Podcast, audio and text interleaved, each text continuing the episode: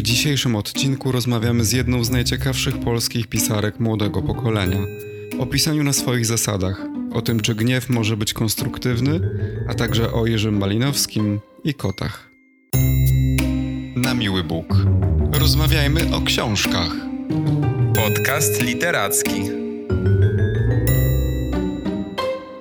Cześć, dzień dobry. Witajcie w 99. odcinku naszego podcastu. Jak zwykle jest ze mną Kamil. Cześć Kamilu. Cześć Maćku, witajcie wszyscy. Od razu powiem, że będziemy dzisiaj rozmawiali z Dorotą Kotas, e, autorką, e, której nazwisko w naszym świecie, polskim świecie literackim jest znane. Myślę, że ze zdecydowanego głosu e, i takiego głosu i wizji, który też został doceniony ważnymi nagrodami. Wspomnę tylko, że była to między innymi Nagroda Literacka Gdynia czy Nagroda Konrada. E, I jesteśmy z Maćkiem po lekturze e, Czerwonego Młoteczka, wydanego przez e, Cyrankę. Pomyśleliśmy sobie, że byłoby to wartościowe, żeby Dorota Kotas pojawiła się u nas w podcaście. Na nasze szczęście przyjęła zaproszenie i dzisiaj będziemy rozmawiać o tym, co nas dotyka i uwiera w literaturze, ale nie tylko w literaturze bo wychodzimy ogólnie z założenia, że przecież literatura jest takim nośnikiem bardzo różnych tematów. Także e, witaj Doroto w naszych progach. Super, że jesteś z nami. Cześć, dzięki za zaproszenie. No właśnie, cześć Doroto, bardzo nam miło, że do nas wpadłaś, że przyjęłaś to zaproszenie, szczególnie, że i tutaj pojawia się taka chyba stała formułka w, w, ostatnich rozmowach z tobą. No nie przepadasz za tego typu spotkaniami, okazuje się. Ja jeszcze może zdradzę mm, kulisy naszego umawiania się na tę rozmowę, bo w pierwszej wiadomości napisałem ci, bo to ja napisałem, żebyś do nas wpadła, cytuję, porozmawiać o swoich książkach. I na swoje usprawiedliwienie tylko dodam, że ja wtedy byłem na początku e, czytania Czerwonego Moteczka i dopiero później dotarłem do tego momentu, w którym ty piszesz, jak to wyrażenie cię bardzo uwiera, bo ono robi z ciebie przedstawicielkę handlową e, swoich książek. E, I ponadto też piszesz o tym, że ludzi interesują głównie twoje książki, a nie ty sama i że właściwie... Nie, odwrotnie, że jest odwrotnie, że ludzie in, ludzi interesuje ja, a nie moje książki. A dobrze, bo ja zrozumiałam tak, że właśnie, że piszesz odwrotnie i że właściwie nie lubisz rozmawiać o swoich książkach, bo to sprawia, że ludzie nie rozmawiają z tobą o niczym innym, tak wyczytałem. A, no dobra, mm, to jest trochę bardziej złożony problem, ale ogólnie wydaje mi się, że rozmawianie z autorami jest trochę nieciekawe dla ludzi, którzy mają tego słuchać, no bo lepiej jest rozmawiać o książkach, one są jakimś bardziej takim przemyślanym i gotowym wytworem, e, który już jest taki zamknięty e, i, no i są w nim takie punkty wspólne, że ludzie go czytali, prowadzący go czytali, więc trochę jest na czym się zatrzymać. A rozmawianie z autorem jest trochę takim chaosem, I ci autorzy są zawsze zestresowani e, i zawsze się przejmują, czy dobrze wypadli e, i czy nie nagadali jakichś głupot. Więc nie wiem, czy to jest w ogóle atrakcyjna forma dla słuchaczy, że ja tutaj jestem. Może byłoby fajniej, gdybyście sami rozmawiali. Mamy różne odcinki. Mamy takie, większość właściwie odcinków jest taka, w których rozmawiamy my sami i wtedy możemy powiedzieć prawdę, co myślimy o książkach. Nie chcę was blokować, ja mogę się wyłączyć, w razie czego luzik. Nie, dogramy taką erratę na koniec. E, a do kilku odcinków e, zapraszamy też właśnie autorów, e, autorki i ja ci muszę powiedzieć, że nasi słuchacze i mhm. słuchaczki mhm. bardzo lubią właśnie te odcinki. Tak? Ale fakt faktem, że najczęściej rozmawiamy bardziej o książkach niż o samych samych autorach i autorkach, o ich prywatnych sprawach, no bo to trochę... No to tak dobrze, przecież to jest na miły Bóg. Ale to w ogóle lubisz rozmawiać o innych książkach, o literaturze w ogóle? O innych tak i bardzo mnie to interesuje. Nawet dzisiaj e, przesłuchałam sobie kilku odcinków waszego podcastu, bo akurat jechałam długo autobusem e, i porównywałam to, jak wypadają odcinki z autorem, a jak bez autora. E, no i na przykład odcinek o Edwardzie Louis, nie wiem, czy dobrze wymawiam jego nazwisko, ale tam była ta polaryzacja, że jeden z was był na tak, a drugi z was był na nie i to było bardzo ciekawe.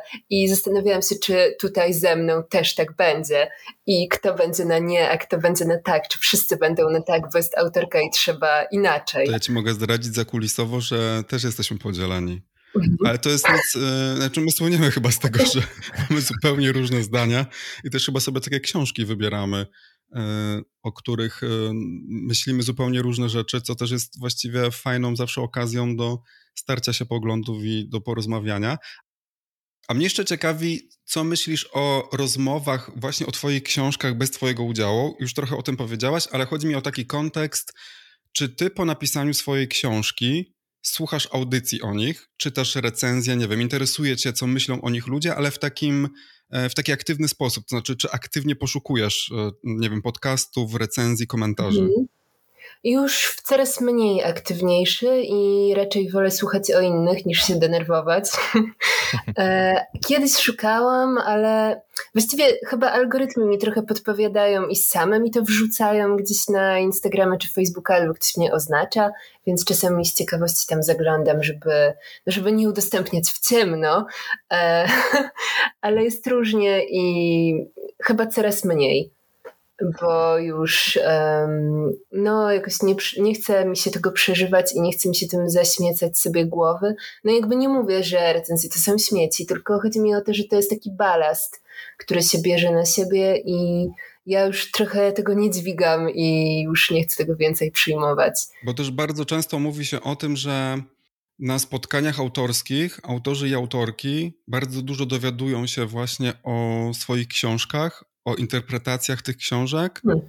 I dlatego wiesz, py pytam, bo wydaje mi się to ciekawe, że gdy tworzysz książkę, kończysz ją, oddajesz do wydawnictwa. Wielu też, e, wiele pisarek i pisarzy mówi o tym, że to jest taki moment, kiedy książka przestaje być twoja, że staje się właśnie mhm. książką czytelników i czytelniczek. I niektórzy, najczęściej chyba ci z taką już bardzo ugruntowaną pozycją, nie szukają tych komentarzy, tych nowych interpretacji, ale jest też takie grono właśnie, które nawet w rozmowach z nami przyznawało, że na spotkaniach autorskich dowiadują się takich rzeczy, które nawet by im do głowy nie przyszły, że w tych książkach właśnie to się znajduje. E, ja na spotkaniach autorskich jestem tak przerażona, tak spięta i tak bardzo poza jakimś swoim komfortem, że staram się po prostu je przetrwać i w ogóle nie pamiętam, co mówiłam, ani co ktoś mówił. E, I staram się po prostu myśleć o tym, żeby oddychać, nabierać dużo powietrza i e, o tym, że to się niedługo skończy i, mm, i dam radę. I właściwie mam później taką całkowitą pustkę i nawet nie wiem, kto tam był, ale bardzo lubię takie spotkania, na których nie jestem oficjalnie. Na przykład e, podobało mi się takie spotkanie, organizowało jakieś forum lakanowskie e, i to było takie seminarium online, że przez kilka godzin oni tam rozmawiają o książkach i ja się tam rejestrowałam jako Jerzy Malinowski e, i słuchałam, co mówią i to było super i tam się świetnie bawiłam ale raczej nie lubię tak występować ja jako ja, bo to jest no, takie obciążające i wystawiające mnie gdzieś tam na ten ogląd ludzi. Mm-hmm. To, to chyba Jerzy Malinowski już więcej nie przejdzie, będzie trzeba znaleźć nowe nazwisko. Ich jest kilku, ich jest kilku. Okay. Stworzyłam takie awatary. No właśnie. I nawiązując też do tego balastu, o którym wspomniałaś, że, te, że ta mnogość recenzji e, może być przytłaczająca, no trzeba stwierdzić, że chyba nie jest ci, ci łatwo, bo, bo tych recenzji i tych opinii o tobie, o twoich książkach jest e, cała masa. No, wzbudzasz emocje czytelników i Czerwony Młoteczek chyba szczególnie te emocje wzbudza. E, I takie mam wrażenie, jak czytam sobie e, komentarze, że, te, że są one z przeciwległych biegunów, w zasadzie po połowie niemalże można powiedzieć. No i też chyba trudno się dziwić, bo to jest taka osobista i bardzo sprecyzowana wizja tw twojej osoby, twojego ja w tej polskiej rzeczywistości. No więc to tak zazwyczaj bywa, że odbiorcy szaleją wtedy z ocenami e, i, i tak właśnie odbieram to, że chcą wartościować trochę, czy rzeczywiście ta twoja autorska percepcja jest realna, czy, czy, czy to nie jest przesada. E, a szczególnie jak właśnie uderza czasami, czy dotyczy po prostu tej państwowości, tej kondycji kraju, prawda, w którym żyjemy. E, I oczywiście nie, nie zrobiłem tego wstępu, żebyś odnosiła się do tych komentarzy w żadnym wypadku, ale tak zastanawiam się, e, czy, czy, czy, czy, ta, mm, czy ten odbiór czytelników cię satysfakcjonuje, czy na przykład literacko cię w jakiś sposób stymulował po, po tym czerwonym młoteczku. Nie, w ogóle mnie nie stymulował, wręcz przeciwnie, on mnie przestymulował aż za bardzo, ale e, wydaje mi się, że mm, trochę tak jest wymierzony rynek, że czerwony młoteczek jakoś jest, e, on zapowiada tę sytuację i wydarza się dokładnie to e, na poziomie recepcji, co. Mm, co myślałam, że się wydarzy i czego się spodziewałam, więc nie mogę mieć do nikogo pretensji. E, no ale ten rynek trochę tak działa, że te konflikty i ich podsycanie i podbijanie tej klikalności sprawia, że że buduje się jakaś bardzo za, zaangażowana grupa ludzi, e, która swoimi kliknięciami po prostu napędza te strony e, recenzentów i jakichś dwutygodników. I, no i wydaje mi się, że my wszyscy po prostu żyjemy w takiej pułapce, gdzie nie wiem, czy jeszcze da się inaczej, że są te wymagania rynku i no i myślę, że moja książka się po prostu wpisała w te potrzeby, żeby wygenerować bardzo dużo ruchu na stronie. Ale czy to jest dobre dla samej książki i czy to jakoś zmienia jej odbiór, to nie wiem, bo mam też takie wrażenie, że te, mm, ta recepcja jest taka bardzo no, polaryzująca, że to jest albo kotas jest zła, albo kotas jest dobra, takie tak albo nie i trochę mało jest czegokolwiek gdzieś tam pomiędzy, czy jakiegoś cieniowania. Ale to się chyba teraz dopiero pojawiło, bo no, czy ci się podoba, czy nie, yy, mówiono o tobie, że jesteś jednym z najciekawszych głosów nowego pokolenia pisarskiego e, w Polsce i mam takie wrażenie, że przy Czerwonym Młoteczku, tak jak właśnie oboje mówicie, pojawiły się te dwa bieguny, taka bardzo duża polaryzacja tych opinii mhm. i zastanawiałem się, czy ty myślałaś o tym, dlaczego tym razem tak wiele osób minęło się z tą twoją książką? W sensie takim, że czy to jest e, bardziej, e, nie chcę, żeby to źle zabrzmiało, ale wina jakiś takiego mm, zestawu cech osobowościowych autorki, czy bardziej świata spieprzonego? Nie wiem, chyba nie czuję się na siłach, żeby wydawać jakieś osądy diagnozujące sytuację. Ja mam też wrażenie, że, jest, że istnieje cał, cała masa y, odbiorców, czytelników, którzy wręcz y, utożsamiają się bardzo tak jeden do jeden z tymi emocjami bardzo skumulowanymi z tej książki.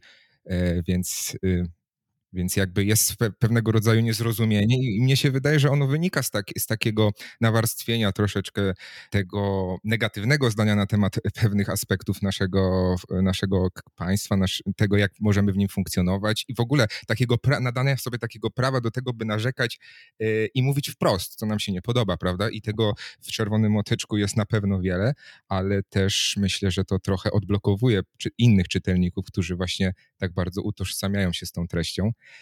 A pomyślałem sobie tak, bo powiedziałaś już Doroto, że mm, te spotkania nie są twoją ulubioną formą promowania książki. Ta forma powinna być zakazana. Zakazana, właśnie. No, możemy dyskutować, ale tak, no właśnie ale y, dla wielu pisarzy sam, sam proces y, pisania książek jest, jest taką katorgą i na przykład y, pamiętam, jak mówił o tym Szczepan Twarduch, że dla niego to jest bardzo żmudny proces, że ten research, który u niego jest taki na pewno rozbudowany, co potem w treści można znaleźć, że to go wykańcza. I zastanawiam się właśnie, jakby, bo rozmawialiśmy już o tym, co jest po napisaniu książki, a jak jest w trakcie pisania. E, no to mi jest zdecydowanie łatwiej i wydaje mi się, że mm, ja nie pisałabym, gdyby mi się nie chciało i gdybym faktycznie nie miała ochoty tego robić, albo gdyby to była jakaś męka. E, tylko jednak moje pisanie wzięło się z radości pisania i z przyjemności i z jakiejś satysfakcji odnajdywania swojego głosu i w ogóle tej możliwości, żeby formułować w ten sposób swoje myśli e, i docierać z nimi do innych w łatwiejszy sposób i na zupełnie inną, niewyobrażalną skalę. I to wydaje mi się bardzo ekscytujące samo w sobie. E, I ja nadal lubię pisać, ale blokująca jest dla mnie myśl o tym wszystkim, co się później stanie. E, mhm. Ale wydaje mi się, że moje pisanie jest też łatwe z tego powodu, że ja po prostu piszę to, na co mam ochotę. I oczywiście to się później źle kończy i e, zbieram za to opinie w internecie, no ale samo pisanie nie jest jakimś bolesnym procesem. Ale już kończąc ten temat tych nieszczęsnych spotkań, e, mnie bardzo rozczula e, w tej twojej książce to, że no pomimo tego dyskomfortu w związku z rozmowami, bierzesz w nich udział. No, jesteś teraz tutaj, mamy żywy, żywy dowód na to. I, i, ale bierzesz udział w tych rozmowach często w tak zwanym szczytnym celu. Mhm. Piszesz um, o tym w książce, może zacytuję takie dwa zdania. Jednak z całych sił staram się pokazać wszystkim, że osoby niehetero to dobre i wspaniałe osoby, nawet dużo lepsze od innych hetero osób, choćby z tego powodu, że jest w nich wrażliwość na innych i empatia wyhodowana w trudnych warunkach do życia w kraju, który nie przestaje ich obrażać. Trochę skróciłem ten cytat, ale właśnie on się zaczynał tak, że bierzesz udział w e, rozmowach między innymi właśnie po to, aby porozmawiać o sytuacji osób e, LGBT e, w Polsce.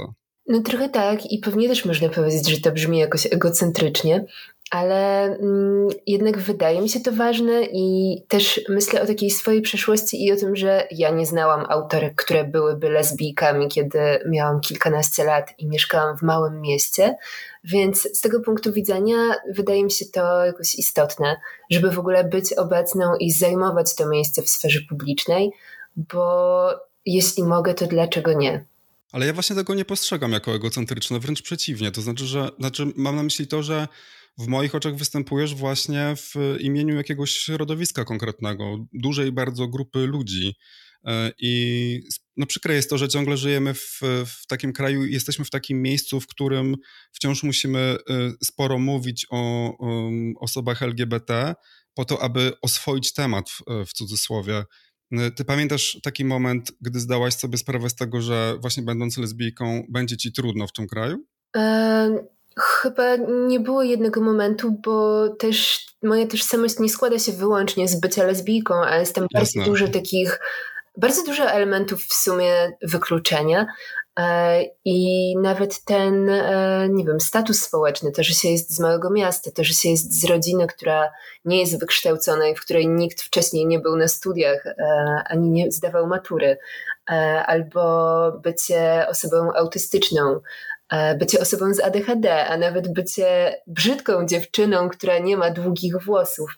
E, myślę, że jest tutaj bardzo dużo takich e, motywów, które mogą powodować, że jestem w jakiejś grupie, która jest mniej słyszana i która jest trochę zepchnięta na bok, bo liczy się coś innego w tym głównym nurcie. No, nie od wszystkich tych tematów da się uciec, ale od niektórych tak. I takie właśnie moje pytanie czy nie chciałaś kiedyś tego zrobić? Na przykład wyjechać właśnie za granicę, tak jak zresztą gdzieś tam pod koniec książki lekarka, psychiatrka ci radzi, albo narratorca. Mm, raczej nie, raczej nie chciałabym wyjechać. Może to jest jakiś objaw masochizmu, ale nie. E, a jeszcze zostając w temacie, bo też e, bardzo mi się podobało zdanie, e, gdy pisałaś o tym, że wyszłaś już z szafy a jeszcze bardzo chciałabyś wyjść z szuflady, albo może nie chciałabyś w ogóle do tych szuflad e, trafiać i chciałam cię zapytać, w jakich ty szufladkach już jesteś, albo na przykład jakiego szufladkowania boisz się najbardziej, które cię najbardziej napawa lękiem? Ojej, ciężkie pytanie. E, teraz chyba taką najbardziej dotkliwą jest e, bycie pisarką, która pisze cały czas to samo i cały czas o sobie i która w ogóle nie umie pisać, bo to nie są prawdziwe książki, tylko pamiętnik. Widzisz, Może coś takiego. Tak właśnie, bo to jest e, coś, e, co też przypina się teraz e, właśnie Edwardowi Louis, o, o którym już wcześniej powiedziałaś, wspomniałaś jego nazwisko mhm. i my też omawialiśmy właściwie prawie wszystkie jego książki w tym podcaście, bo jakoś tam jesteśmy fanami. No tak, ale on też jest w innej sytuacji z tego powodu, że jest mężczyzną i tak. Jest ma jednak chyba łatwiejsze wejście i wychodzi z zupełnie innego punktu.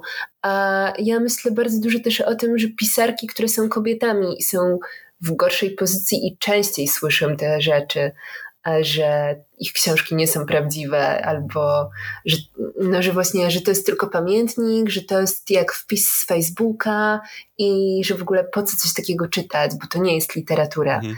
To chyba jednak częściej to spotyka kobiety. Ale y, chciałam tylko dokończyć właśnie myśl, że jemu mhm. też to się dokładnie zarzuca, że, że książki, które on pisze, to są właściwie książki o nim samym i że właściwie takim dobrym testem na to, czy on jest dobrym pisarzem, byłoby to, żeby on napisał na przykład, nie wiem, fikcyjną powieść albo książkę nie o sobie, tylko o jakiejś z innymi bohaterami. No ale po co?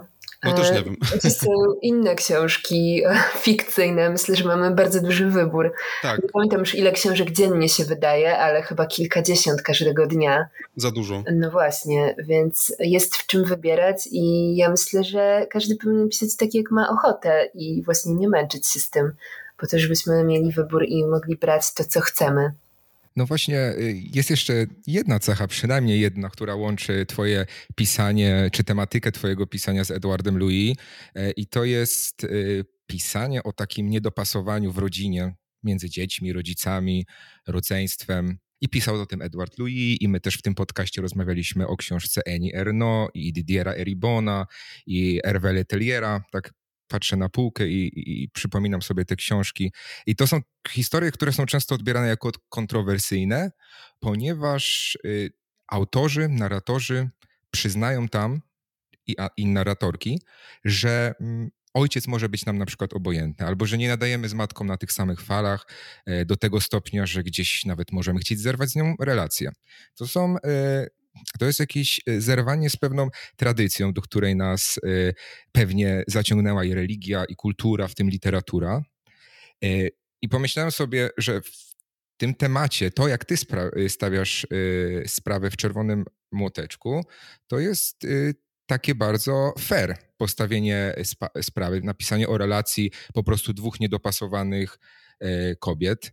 E, i że to jest takie chyba naturalne prawo, które każdy z nas e, powinien mieć. Ja nie mówię, że ja osobiście jakby mm, odnalazłbym się w takim, e, w takim definiowaniu relacji. Być może jeszcze, jeszcze nie mam takiej świadomości, żeby potrafić pewne relacje, które są powiedzmy trudne zdefiniować i nie wiem, odłączyć się od nich bądź nie, ale mam takie wrażenie i ta lektura mi to pokazała, tak jak tych poprzedników, których wymieniłem, że, że to prawo powinien mieć każdy z nas. Mhm. Właściwie dać je sobie i myślę, że wszyscy możemy je sobie dać, ale na pewno nie ma jakiegoś jednego świetnego rozwiązania, które uporządkuje wszystkie e, ciężkie relacje, jakie mamy w życiu. E, więc e, no, to jest po prostu jedno z wyjść, które też jest możliwe, chociaż jest na pewno niemile widziane, no bo mamy te wszystkie normy i schematy, według których trzeba żyć, że mamy być wdzięczni, opiekować się rodzicami na starość, podawać im szklanki z wodą. E, więc jest taka seria nakazów, do których trochę się nas wtłacza i no i może nie wszyscy do nich pasujemy. No myślę, że mówienie o tym też głośno to jest e, taki sposób, by ten temat oswajać. No, nie wiem, jesteś pierwszą twórczynią, która, która y, pisze o tym w ten sposób I, i dużo też zarzucało się tobie takiej, nie wiem, uczucia nienawiści e, względem matki. E. Nie wiem, czy to jest uczucie nienawiści, czy po prostu też takie hasło sprzedażowe i jakiś slogan marketingowy.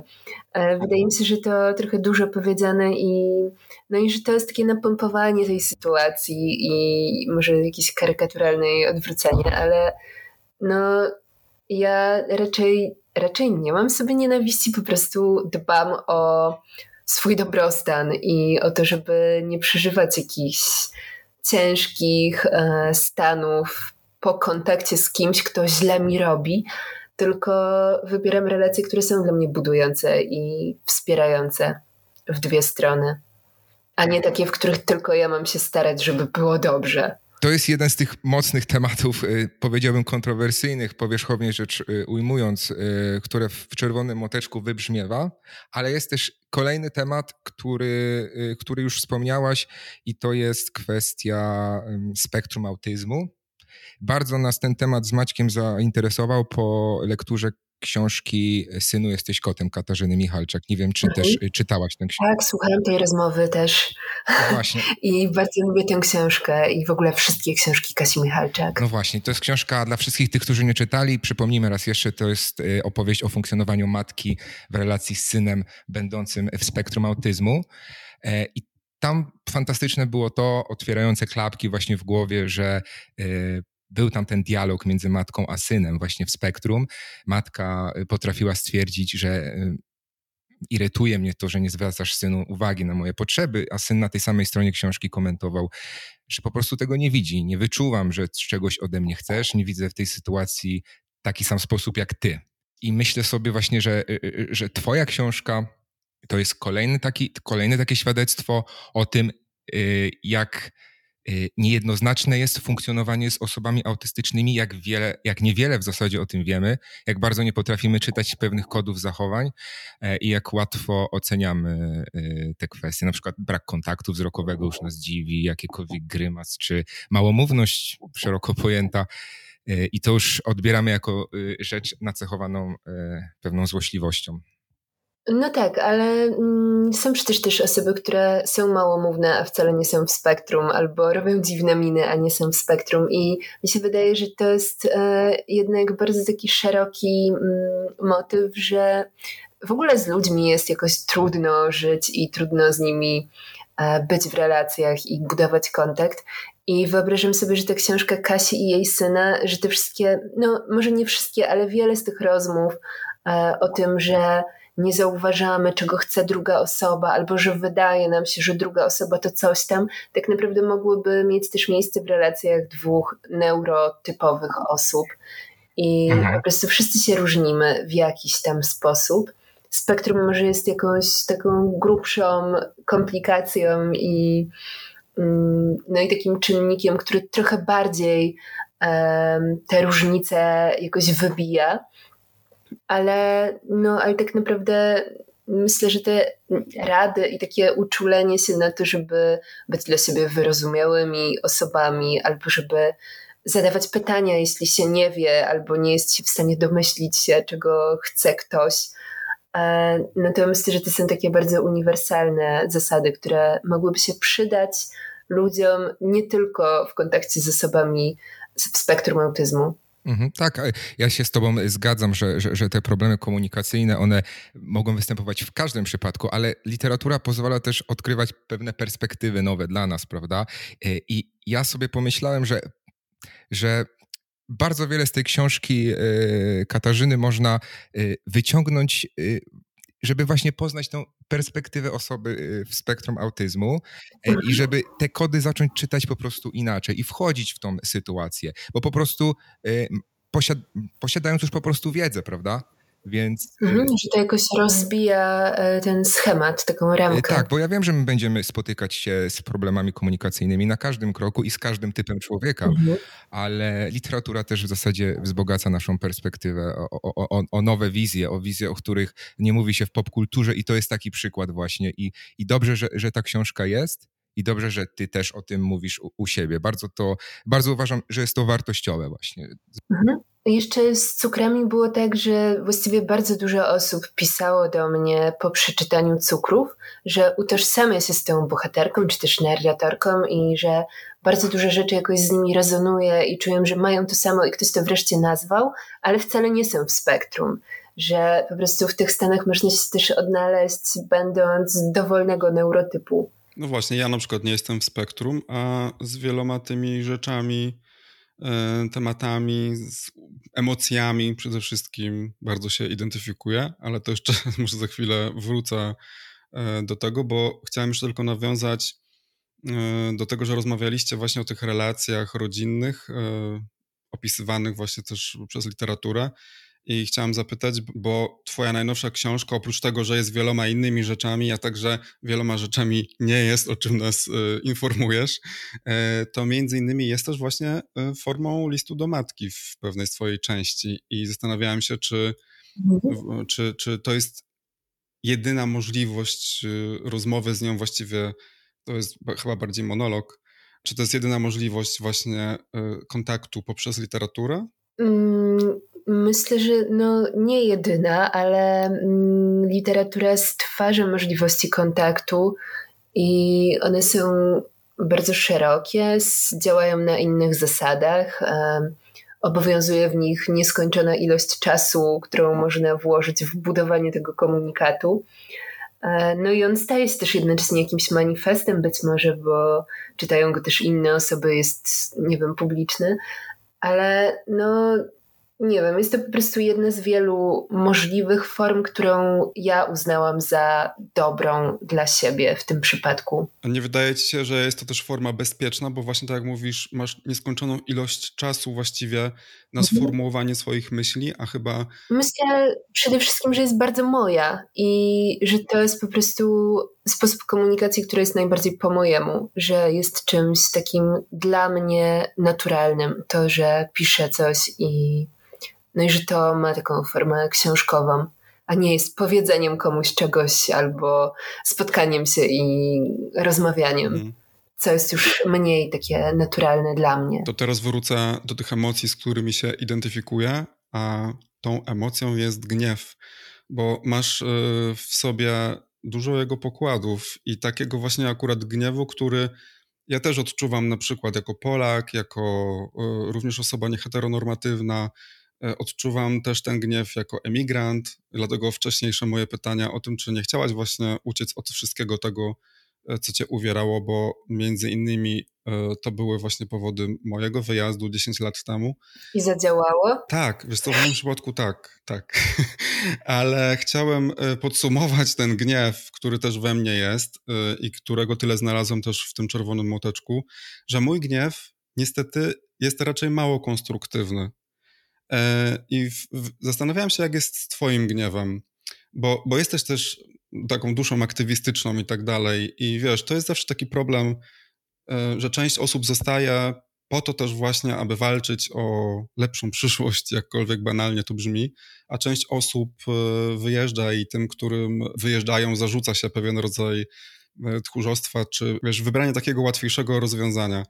Mm, ale tak, chciałem zapytać, czy ten gniew, który jest w tobie, który wylewa się ze strony tej książki również, jest takim gniewem e, konstruktywnym i jak w ogóle ważna jest dla ciebie ta emocja? E, jest dla mnie bardzo ważna. Nie jestem pewna, jak mogę odpowiedzieć, czy jest konstruktywny, czy nie jest, bo taką moją intuicyjną myślą jest to, że gniew po prostu jest taki, jaki jest i że może konstruktywne jest to, co się później z nim zrobi, ale to, że się czuje gniew, jest po prostu jakimś stanem, no, który można w sobie zdusić, ale ale lepiej tego nie robić, bo to jest e, chyba działanie takie na szkodę dla nas, dla osób, które czują ten gniew. E, ale wyobrażam sobie, że to jest bardzo potężna siła napędowa, która sprawia, że, e, że jesteśmy popychani w kierunku tych zmian, czasami na lepsze i e, jesteśmy popychani do tego, żeby o siebie zadbać albo żeby sprawdzić, czy jest coś, co możemy zmienić, żeby było nam łatwiej żyć. No więc myślę, że gniew jest bardzo niedocenianą emocją. E, I no tak, i może być bardzo budujący, ale właśnie to zależy, co się z nim zrobi dalej. Jest taki jeden z moich ulubionych cytatów e, prowadź swój pług przez kości umarły Holgi Tokarczuk, mhm. właśnie o gniewie i ona tam pisze, że gniew zaprowadza porządek, pokazuje świat w oczywistym skrócie, w gniewie powraca też dar jasności widzenia, o który trudno w innych stanach. I wspaniałe jest to, że w tej książce jest morderca, który jest e, taką niewinną staruszką o takim milutkim nazwisku, e, i, no i też to, że każdy z nas ma w sobie gniew i może go używać, i to jest wspaniałe.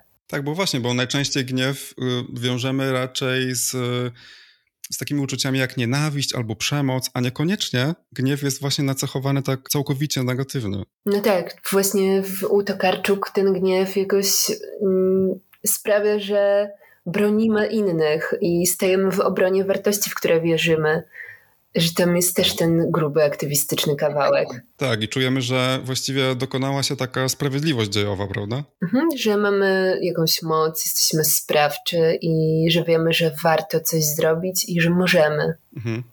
Więc to odbieranie prawa do gniewu, no, zwłaszcza dziewczynkom, kiedy dorastają, jest chyba no, najgorszą rzeczą, którą z nimi robimy bo no, jakby to ucina im bardzo wiele takiej mocy, którą mogłyby w sobie mieć, gdyby ich wszystkie emocje były pielęgnowane, a nie tylko te ładne. No właśnie, to odbieranie prawa do gniewu, tutaj zahaczę o, o, to zdanie, bo ja muszę przyznać, że mnie czerwony moteczek przeczołgał, zmęczyła mnie intensywność tego, tego gniewu, ale w ogóle nie, nie jest to niekonstruktywne. Powiem dlaczego, bo z drugiej strony ta książka pokazała mi właśnie, że ja mam jeszcze trochę do ogarnięcia w kwestii takiego szacunku może do osób myślących e, inaczej, że jestem jakimś jeszcze trochę uzurpatorem dodawania komuś właśnie prawa do narzekania lub odbierania tego prawa, że jakby mogę oceniać czyjąś intensywność emocji i, i, i stwierdzić, że no nie, no nie można się po prostu gniewać na wszystko. E, I pomyślałem sobie, że pod tym względem dla mnie młoteczek jest udanym eksperymentem literackim. Hmm, to chyba dobrze.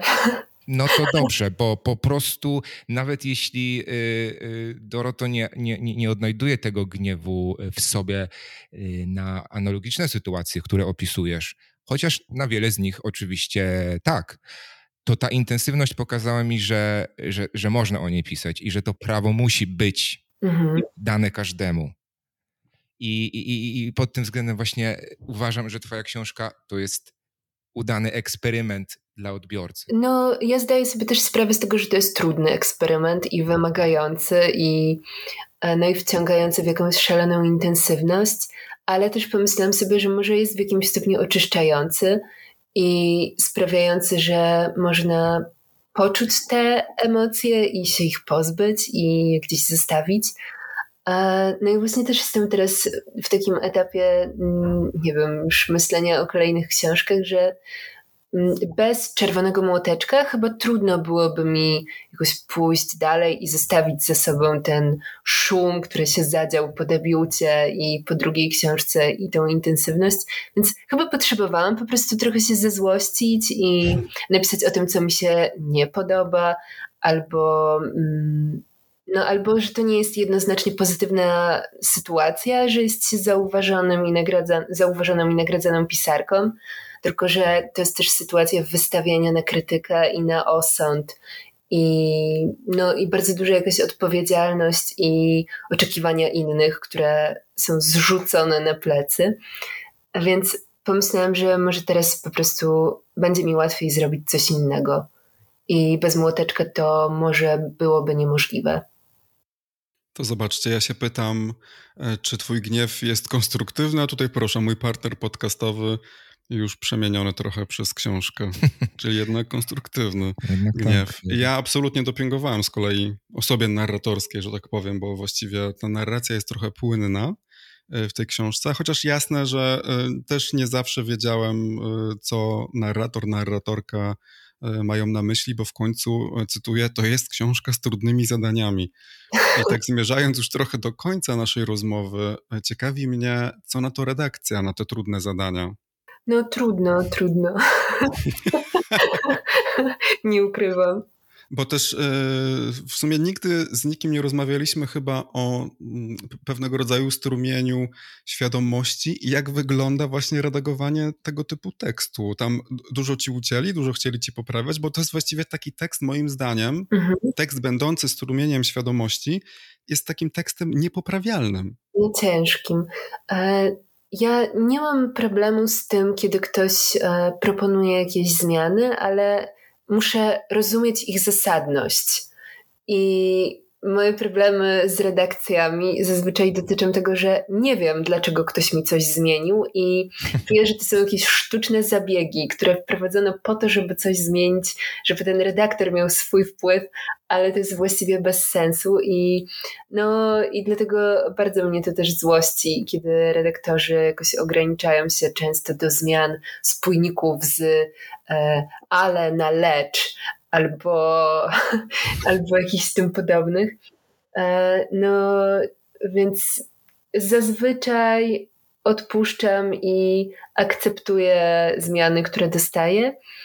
Z młoteczkiem próbowałam mm, trochę bardziej powalczyć. E, no, wyszło jak wyszło.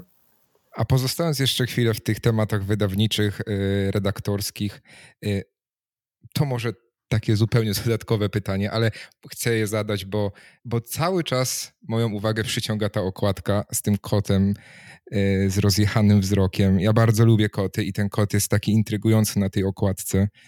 Chciałem cię zapytać, skąd taka forma tego kota? A to już e, należałoby zapytać Jakuba Zasadę, który e, zaprojektował okładkę. I tej książki i cukrów. On jest autorem okładek obu. Mhm. E, I no jestem z nich bardzo zadowolona, bo one są takie trochę vintage'owe, jak takie stare plakaty, tak mi się kojarzą. Tak. E, I bardzo lubię to, że są na nich zwierzątka.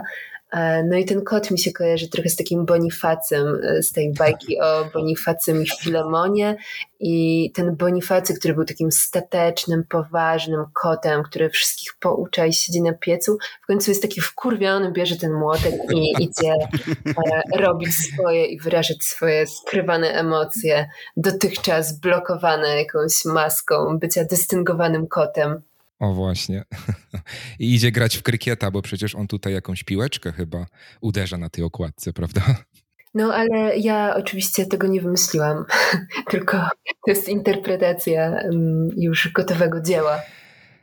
Z uwagi na to, że prowadzimy podcast literacki, yy, zastanawiam się, czy mogłabyś polecić nam coś, co czytasz na co dzień i, i co teraz na przykład siedzi ci w głowie? Teraz czytam Zmianę Eduarda Louis.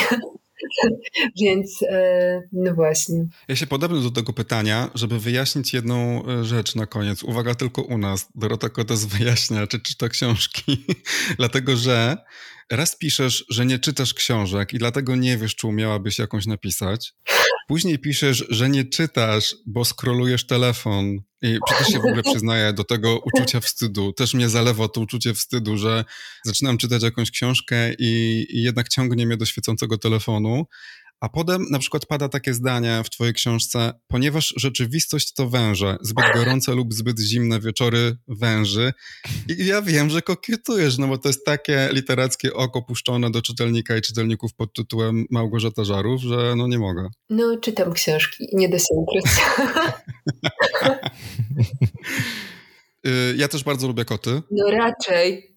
Oczywiście. I e, chciałem się tylko zapytać, e, naprawdę już teraz będzie koniec, ile masz tych kotów i psów teraz, bo ja widzę na twoim Instagramie, że tam jest niezła brygada działkowa. E, jednego psa i dwa koty. Psa Rutę i koty Zorkę i Jętkę. To znaczy Zorka nazywa się tak naprawdę Zorza Kosmos Kotas. Wspaniale. Wszyscy się dogadują, rozumiem. Tak. Pozdrawiamy w takim razie wszystkich, całą Twoją rodzinę działkową. Dzięki. I czekamy na kolejną książkę. Jeszcze raz y, dzięki wielkie, że do nas wpadłaś. Ja też dziękuję. Dziękuję i do usłyszenia za dwa tygodnie. Dzięki bardzo, do usłyszenia.